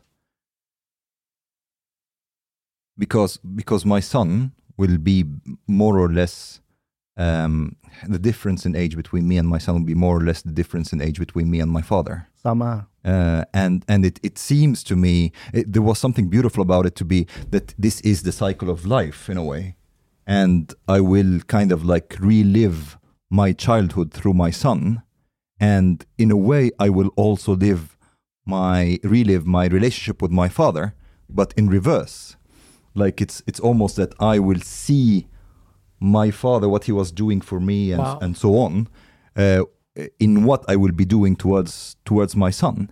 And in a sense, this uh, it hit me at some point. This is the closest one can get uh, to immortality, in a sense, because it, it you feel like this is an ongoing, like an unending cycle uh, that you are you are the cycle. Uh, and the thing is, it's also it's also very interesting that um, in ancient Egypt, this was um, a part of um, a part of how they thought as well. There was this um, uh, Horus and Osiris. So uh, Horus is the sun, and Osiris is the father. And all like th- there was this myth of the underground that basically the the Horus has to take over from uh, Osiris, and then he becomes in a way Osiris to his like his son, who will become Horus and so on. Um, well, Det, Det här, det här är det en, närmsta eh, känslomässiga vi kan komma med Omar. Jag ryser. det, det, det finns en antropolog som heter, eller hette Ernest Becker. Eh, han var antropolog och lite annat. Han skrev en bok som hette The Denial of Death. Eh, och då liksom han analyserade religioner, psykoanalys, massa grejer. Och så hans tes, det är att alla människor, vad de egentligen gör under sin tid på den här planeten, det är att försöka göra sig själva odödliga på massa olika sätt. Eh, Så det kan antingen vara att du i modern tid så här, ja, men skapar ett företag. Liksom Elon Musk, han är för alltid odödlig. Från Lämna avtryck. Lämna avtryck och det är det enda som ger dig något sorts botemedel mot faktumet att du kommer dö. Och det är det han kallade, därför han kallade boken för The Denial of Death. Att det enda vi springer runt och gör dygnet runt, från att vi föds tills att vi dör, det är att försöka bara förneka döden. Eh, och att skaffa ett barn är ju ett sorts ultimat odödlighetsprojekt egentligen. I like the symbolism in it. Alltså när jag fick, eh, när jag födde Otto då, vårt eh, äldsta barn, så fick jag ingen connex överhuvudtaget. Jag tittade på den här människan och bara kände, hur bär man den, hur byter man blöja? Så då fick jag fixa allting. För han hade ju fyra barn sedan tidigare, så han var ju liksom inne i systemet. Det, för mig tog det alltså, också upp till ett halvår innan jag insåg, så här, det? jag gillar typ Really? dig. Alltså, Va, vänta, var det ditt första barn? ja, det var mitt första barn. Were you breastfeeding? Ja, typ så två månader sen så, Mm. Nej, jag, jag fick, det tog lång tid med connexen. Men det sen- var inte någon så här postpartum Nej, depression eller så? absolut inte, utan jag bara kände så här, det här får David ta. Ha, jag Ja. trodde det var en Mm. man, man-grej bara. Nej, nej, han fick Absolut gå upp på nätterna och han fick mat och fixa och dona och allting. Mhm. Han gjorde allt. all women and not all men, kind of. Nej, fan. Shit. Ja, men det, är, det är Intressant. lite Jag tror att det är lättare också att connexa politik. Nej, men jag tror att det är lätt- lättare att connexa när man har barn tidigare, för man vet lite mer, för det här lilla knyttet, det är så litet och det är ingenting, alltså det är en delklump. Alltså, men David förstod ju innebörden i vad det här kommer bli för någonting. För den kärleken man känner till sina barn, den växer ju fram. Och han förstod, alltså han, när han såg det här lilla barnet så var han så här, men gud, det här är ytterligare en till av de här som jag redan har. Medan jag var så här, gud vad är det här för skrivmaskin, liksom, skitjobbig. Alltså jag orkar inte. Det, det där make jävligt mycket, det, det är jävligt rimligt. För nu när jag tänker på det, Ja. det är liksom, om jag skulle få ett till barn, då kommer jag ju mycket koppla... lättare att connexa. Vad sa du? Det är mycket lättare att connexa. Exakt, för jag Ja. kommer ju tänka på mitt nuvarande barn. Ja, exakt. Mitt första barn var skitsött och så, så här, världens mest perfekta lilla söta unge. Andra barnet, alltså när han kom ut, jag kände bara så här, det här kan, alltså, det här kan det vara mitt barn. Nej, Det alltså, måste vara någon som har varit otrogen. ja, typ, alltså, ja, han så här, kritvitt, alltså han var albino, kritvitt, långt, så här, krulligt hår, skitful, såg ut som en apa som skickade någon bild till min familj. Och det, min systers enda svar var, han ser ut som Julian Assange. Alltså, och det var liksom när Julian Assange var med på tapeten, liksom. jag bara kände så här, ja, 100 procent, det är Julian Assange. Men trots att han var så ful, Var Julian Assange i Sverige då? Ja, ja, ja, det var liksom under hela den här episoden, det var så här, det var, på tapeten liksom. Och jag bara kände så här, ja, det är min lilla Julian Assange och jag bara älskar honom. Alltså, medan den första kände jag ingenting för när han kom ut, jag bara kände så här, fan vad jobbigt, David tar den liksom. Så att det, vänta, du, du, du Ja. såg på din andra unge och bara fan vad du är ful. Ja, ja, men jag trodde så här, det måste vara en förväxling. Alltså, Så man kan tycka att sitt barn är ful. 100 procent, ja lätt. Wow, wow. Men han var ju fett ful också. Alltså, så här. det var liksom objektivt, så för- för inte jag, någon... för jag, jag tror det är många föräldrar som ljuger. För du vet, ibland när man ser någons bebis och så tittar man, tittar man på den och bara Ah, det här ser inte bra ut. Och det, det behöver inte vara något fel på den om man vet att den kommer förmodligen se bättre Fulare ut. ut. det kan Det finns hopp om att det kan bli bättre i alla fall. Men okej, men som förälder kan, har man den förmågan att titta på ungen och bara, Alltså, du skulle, alltså, ugly. jag- vet inte, men du skulle sett honom i alla fall. Det var liksom inte en vacker syn.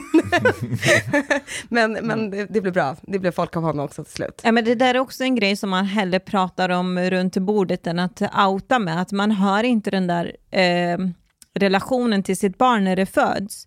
Det där har jag hört jättemånga personer säga i slutna rum, men det är så himla viktigt att på Instagram och sådär så ska det vara finaste barnvagnen, världens bästa unge, världens sötaste unge. Fast och man jag kanske tror att det där ska... är lite ohälsosamt, att man har den där pressen på sig att man ska ha allt det där Men man perfekta med fetischiserar ju skiten ur ungen. Ja. Det det ska, man, ska man skriva på Instagram, det här jävla äckliga barnet. Det Nej, men man låter barn. bli att göra det tills Varför man har ska fått man göra denna... det för? Ja, men det finns ingenting jobbigare än föräldrar som tycker att deras barn är det vackraste som finns och de Ja. bombar sönder med bilder på Insta. Jag skrev ett Facebook-inlägg om från Ja, jag, jag unfriendar Ja, men- rubbet. jag skrev faktiskt ett långt Facebook-inlägg om detta och skrev era barn är vackra, de finaste på jorden och allt det där. Men vi andra tycker inte som er. och vi, vi, vi som har varit vänner till er innan ni skaffar barnen, Som var vänner, inte är. vi vill ha en bit av er kvar. För nu handlar det plötsligt, nu handlar allting om barnet. Och de bombar sönder med bilder och videon på barn och hur fantastiskt söta att deras barn är. Avskyr Nja, det där. De är där. faktiskt inte så fantastiskt söta precis när de har fötts. Det är väldigt ovanligt att barn är supersöta när de föds. Och att man ska följa hela barnets utveckling, alltså dag till dag. Det är skitjobbigt att göra Men jag som tror de gör det som en dagbok för sig själva. Man kanske inte alltid gör det för Ja, eh, men alltså jag, jag tänker så här, någonstans borde man också förstå att, okej men vad fan, eh, hela mitt, alltså ansvaret för sig själv, framförallt för kvinnor tänker jag, att det är här någonstans som kvinnor tappar sig själva lite när de slutar rå om sig själva och allting plötsligt handlar om barnet. Jag har ju tittat lite grann på dig och hur du gör med dina barn. Det känns som att du, du skapar också tid för dig själv utifrån det lilla jag sett från 100 dig. ja. Ja, och att du eh, ser till att ge tid åt de människor som är och hälsar på dig och David till exempel, att du pratar med dem, umgås med era gäster och så vidare. Men många föräldrar är ju inte på det viset och det kan jag tycka är lite så här, Jag har en take på här. Alltså, Ja. nu, nu kanske man kommer bli utskälld för det, men jag tror att eh, min eh, upplevelse är att ju äldre man är som förstagångsföderska, desto värre blir man.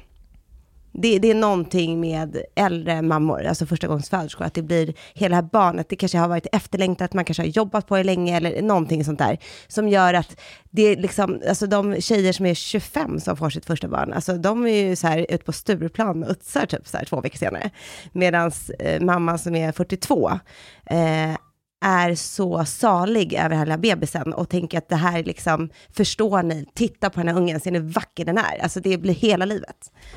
Så att jag, jag tror att... Jag tror det ligger någonting i Mm. det. Att um, mm, vart efterlängtad och så är det ett mirakel. Mm. 25-åringen är så, fan jag är gravid, helvete. ja, ja, får vi ta den här då? Jag har en avslutande fråga till dig Ashkan, för du har en speciell take kring mannens roll i form av faderbarn. Du säger att du berättade för mig en gång att det finns en särskild roll. Du tror att det finns en olika roller för kvinnor och män Ja. kopplat till barnen. Ja, det finns olika, det finns två roller, det finns en maskulin och en feminin roll. Berätta Sen om den som tar den. Berätta om den maskulina rollen.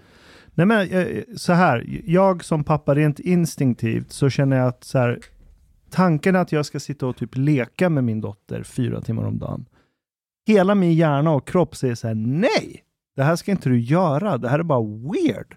Du ska inte sitta och joina hennes så här skitdåliga manus och dialoger och karaktärer i sina lekar. Det är crap, jag klarar inte av det. Jag, jag, har, jag, har, prov, jag har provat några gånger. Och Okej Okej när de är bebisar, man gullar lite, pratar mycket, du vet. Och det gör jag fortfarande. Pratar fett mycket med henne hela tiden. Babblar, babblar, babblar. Men att sitta och leka och du vet, göra sån här. Det finns inte i mig. Och det är inte för att jag inte älskar henne. Jag dör för henne. Jag är vad som helst för henne. Men att sitta och vara hennes kompis. I'm, I'm imagining like Lou listening to this like in 10 years. So all this was a charade. what the fuck? He listened to me, but he actually really hated what I was saying. My whole childhood is a lie. Nej, nej, kolla. Alltså, så här, konversationerna vi har, Ja. de älskar jag för det mesta. Ibland Okej. blir de helt så här boring. Men, men så här, sitta och leka och du vet sånt. Nej, det är inte fadersrollen. Det är inte min roll i alla fall. Det är inte min roll. Min roll är att skapa trygghet för henne och veta, och det är det som är skillnaden mellan föräldrar och kompisar. Min kärlek för henne, den är villkorslös. Vad hon än gör så kommer jag backa henne med allt jag kan. Så det är helt villkorslöst. Medan en vän, det är villkor. Och vad är den feminina sidan då? Eh, den feminina sidan, I don't know. Jag Du vet sa att det var en inte. maskulin och en feminin. Ja, men jag är inte feminin så jag vet inte. Okej, för då kan jag ju kontra direkt. Jag har aldrig Tack. träffat typ en vuxen människa som lägger så mycket tid på sin unge som du gör. Nej men vet Alltså, du, vänta. Nej, nej, nej, nej, nej, Ja, nej, nej, det är det första, okej. Här. det får svara sen. Sen den andra är att så här, David leker med våra barn, jag gör det absolut inte. Wow, intressant. Ja? Det har man svårt att tro att David håller på och leker. Han brottas och han slåss och de håller på och Ja, bamsar men det är sig, fem söner. Fem bollar och skit. Jag är helt ointresserad där. Ja. Helt ointresserad. Okej, ja, Men ni det har är inga döttrar? Nej, nej alltså jag hade gärna kammat lite Cindy-dockors hår, det hade jag kunnat göra, men, Men- inte det där som de håller på med. När, när, ni var hemma hos mig sist, då, då, då sa ju du det där. Ja. Så här, ah, men du spenderar för mycket tid med ditt Ja. barn. Och jag tänkte så här, okej vad har du för data att utgå ifrån?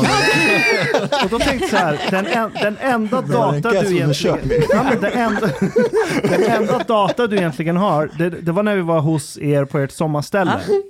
Och så här, ett, du, vi kom dit klockan 12 Jag var på dagen. plötsligt. Vi- Nej men vänta, jag är lack. Jag är lack. Vi, vi kom dit runt lunch, du var inte där. Du kom klockan fem. Så du har missat, du har missat fem timmar av data. Under de, under, vänta, under de fem timmarna så såg jag inte ens min dotter, för hon var i grannhuset och höll på. Exakt, och då hade kul. Sen kom du. Och sen hängde du med oss en stund, sen gick du in i köket och skulle fixa mat. Sen var det matdags. Och då satt jag i köket med dig Ja. för att göra dig sällskap. Jaha, jag trodde det var för att om Lou. Nej, jag gjorde dig sällskap och så tänkte jag så här, vi är här på besök. Inte ska Charlotte som har fem barn att ta hand om Ta om det, om det sjätte. sjätte. Ashkan, Det får du spelar ingen roll. Fem eller sex. you, see, men- you see me doing like that. För att göra dig sällskap. Och du kommer här och säger till mig att jag spenderar för mycket tid med min dotter! Och vad händer med Bill? Vad händer med Bill? Vad händer, kom, grannen kom ju ut med Bill. med Bill. Grannen kommer så att ut, är det, är det här ert barn? Ja, ja, ja vet. det är våran yngsta. Okej. Ja, han var nära att ramla i dammen. to, to be fair, to be fair to Ashkan, every now and then Lou came to Ashkan and she was like, Pappa, ska vi leka? And, and he was like, there are children over there. Go play with the children. Ja.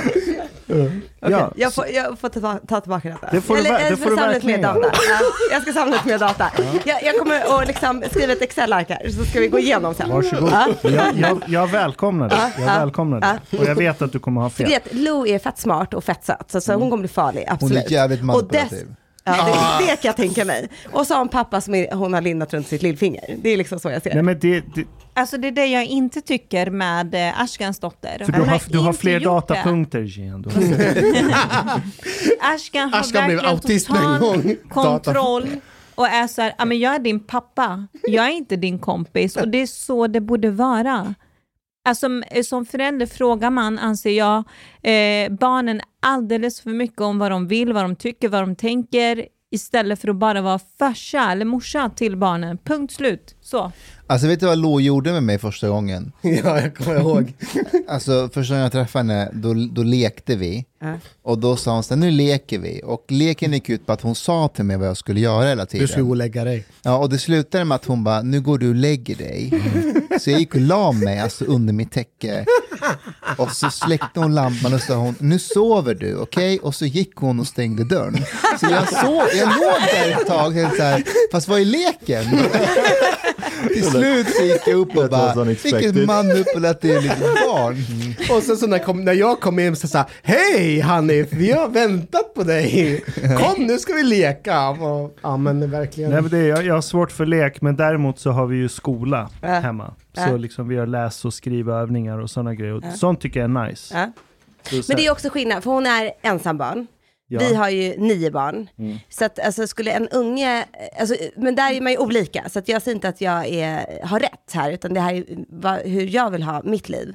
Jag vill inte att mina barn ska ta över en, en vuxenkonversation. Alltså Exakt. sitter jag och pratar med någon, Mm. då avbryter man inte. Och man ska inte heller ta mina vänner i anspråk. För jag anser att när mina vänner kommer till mig, då är det för att träffa mig. Alltså de får spendera kanske två minuter med mina kids, absolut för att säga hej hej och hur gammal är du nu.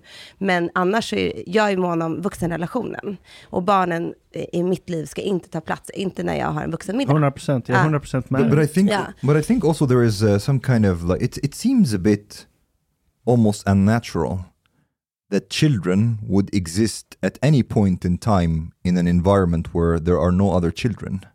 Ja, det är because det. Right? Because uh, first of all we haven't evolved in that setting at all. There were always like you know it's like tribal setting. There was like the kids in the tribe like playing together and like you know the adults kind of like overseeing the whole process kind of like um but at the same time because if it's just adults and a kid well the kid needs attention and they need a playing partner uh, that go down also to their level and so on.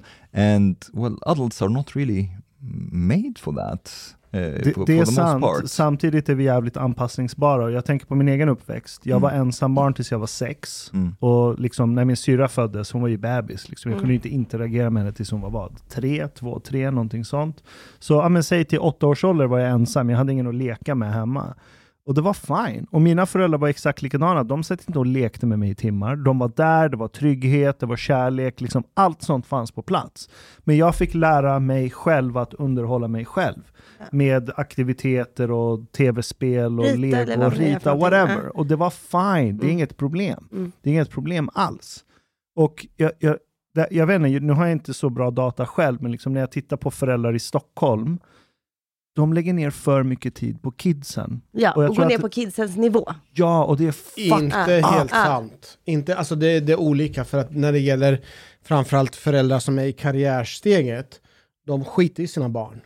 De är och gör sina grejer, de är och jobbar och är fullt upptagna, de, de glömmer sina barn. Men det Det är också uppmärksammas fucked sällan. up. Det är också fucked up och, och, och, åt andra hållet, såklart. Du ska ha tid för dina barn, men inte tid för att sitta och vara deras bästis sex timmar per dag. Nej. Men de, alltså jag tycker så här, man ska se till att de, så här, en vanlig vardag hos oss, du frågade förut, så här, hur hinner man med? Ja, så här, man kommer hem, man eh, ser till att alla får mellis, sen ser man till att alla får på sina hockeyutrustningar, det är lite olika vilka som spelar hockey vilken dag liksom. Skjutsar till hockeyn, går hem och lagar mat, eh, på vägen till hockey kan man prata lite hur det har gått i skolan idag, sen ser man till att man gör läxor. Alltså det är typ, det är så en vardag, eftermiddag, kväll ser ut. Så här, gå igenom lite dagen, eh, se till att läxorna, eller kolla att de har gjort läxorna och eh, se till att maten serveras. Mer än så hinner inte jag. Alltså så här, tiden mina barn får med mig är kanske sju minuter per unge, inte mer. Men jag tänker att så här, närvaron, tryggheten och rutinerna finns där. Eh, och de vet att jag kommer alltid backa dem. Liksom. Och det har jag ju visat tydligt när det behövs. Så, så är det klart att jag backar mina barn. Och Jag tror att de minnen barnen också kommer ha, det är inte så här att mamma Charlotte satt där och pratade med mig, utan det är mer att mamma skjutsade mig till hockeyn, tillbaka, fixade mat, mellis. Ja, Det är, det är ju den, jag tror att vi ibland blandar ihop det med att vi är där och pratar med barnet och lyssnar på den. De minns ju mer att du fanns där, du fanns i periferin och Ja. du hjälpte dem. Mustafa, vad är dina starkaste minnen från tiden i Afghanistan med din mamma? Jag växte upp mycket med min mormor, för att mina föräldrar, de... Jag tror inte mina föräldrar var typ redo, de förstod inte riktigt hur man Hur uppfostrar. gammal, var, hur gammal var din mamma när du hur gammal var din mamma när du föddes? Ja, Jag tror det var 20, båda var typ 25, 26, Mm. något sånt där. Men, men så min, min mormor uppfostrade ju mig eh, ganska mycket. Det skriver ju i din bok också. Ja, precis, precis. Men eh, nej, jag minns att pappa var rätt mycket frånvarande, han jobbade ju mycket. Och när det var krig och sådär, då var ju vi i Pakistan hos mina morföräldrar och pappa var i Afghanistan och jobbade. Så kom han ibland och hälsade på och sen drog han igen. Mm. Så pappa var alltid någon sån här figur som man typ var rädd för. En frånvarande pappa, för det känner jag också igen från min Mm. uppväxt. Att pappan var borta, kommer hem och man var allt, längtade efter att pappa skulle komma hem. Ja, det kommer jag faktiskt ihåg. But uh, b- I think also there is some kind of like totally different culture when it comes to relationship with children and and um, oh raising children here in Sweden like let's say compared to Egypt like of course parents there even in Egypt play with the kids sometimes but sometimes Exakt. it, it seems to me here there is an idea of an that an essential part of parenting is to provide companionship uh, to the child which is something very alien from from where, where I come from Companionship. uh, sällskap and like to, to, to bond with them by by spending time with them there it seems to be for the most part to just like you're kind of like there to provide guidance resources and support when needed for the most part Det är som Ashkans teori. Uh, Nej, I inte mean, helt. Inte helt. uh, but but that's how it is mostly in Egypt. Um, and then you kind of like play with the kids. You play with your cousins, your siblings, and so on. Uh, and that's it. But the idea that uh, like a father would kind of dedicate, for example, one day to just sit Mm. with his child. You know, and just Ja. like now we will sit and do things together. Jag It's a very alien idea. I, you know? i, i, jag vet inte om jag har fel, men i Sverige, jag vet inte om det är någon medelklassgrej, men att, men att man ska hela tiden stimulera barnet. Mm. Hon ska, eh, barnet ska alltid ha saker att göra och om barnet inte stimuleras så får, får föräldrarna lite dåligt samvete nästan att nu, nu har inte Jag tror att barnet... det handlar mycket om dåligt samvete. Ja. Man vill vara den här perfekta föräldern. För det, jag tror att det inte finns en chef som tycker det är kul att gå ner på en tvååringsnivå och så här, lägga ett pussel med en unge som Nej. bara kastar bitarna och suger på dem. Alltså, det är liksom inte så här, Nej, och jag- vem tycker det är kul? Och jag tror att det är tvärtom, att alltså ett barn har aldrig tråkigt. För att ett, barn, ett barns eh, sinne, och, och den gör alltid någonting, den hittar alltid på något. Det, Eller har en tråkig så måste den hitta sin fantasi. exakt Ja. så. Och jag tror att det stimulerar hjärnan. Mycket Det mer. är än att man psykisk- sitter... Ja. Det är psykisk misshandel att aldrig låta ungen ha tråkigt. Precis så. Det är Och det, och, det, och det föräldrarna gör, det är att barnet har tråkigt, vi måste hitta på någonting. Och så tar den ifrån barnets fantasi att själv hitta på saker. Alltså barn kan sitta och, och det kan se ut som att de har tråkigt, men det händer massor i deras Mm. hjärnor. De sitter och skapar figurer och, och fantasier och låtsaskompisar. Alltså när jag var fred. liten, vi lekte med stenar. Alltså jag hade inget Playstation, vi hade så här stenar och lekte med rep och lekte med, man hittade på vad som helst.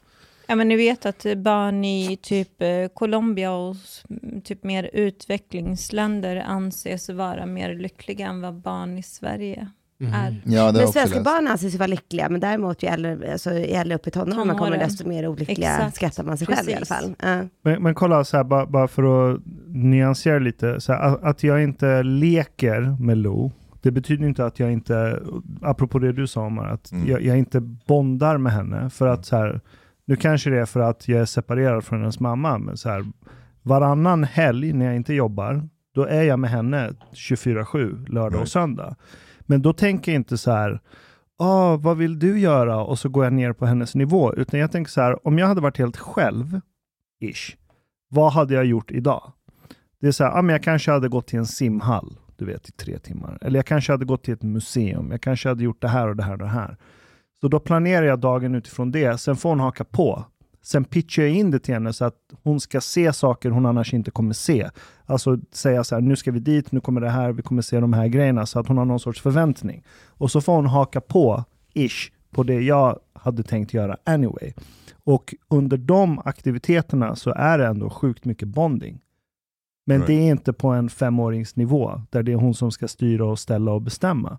Mm. Eh, och de timmarna är fett värda ändå, måste jag säga. Mm. Ja, men såklart, det är ju fina timmar. Alltså det är ju Ja. värdefulla timmar Ja. både för dig och för henne. Ja, Själv brukar jag eh, dela ut då städtrasor och olika sprayer. Någon får dammsugaren och så tänker jag så här, vem blir snabbast klar? och det blir en bra tävling.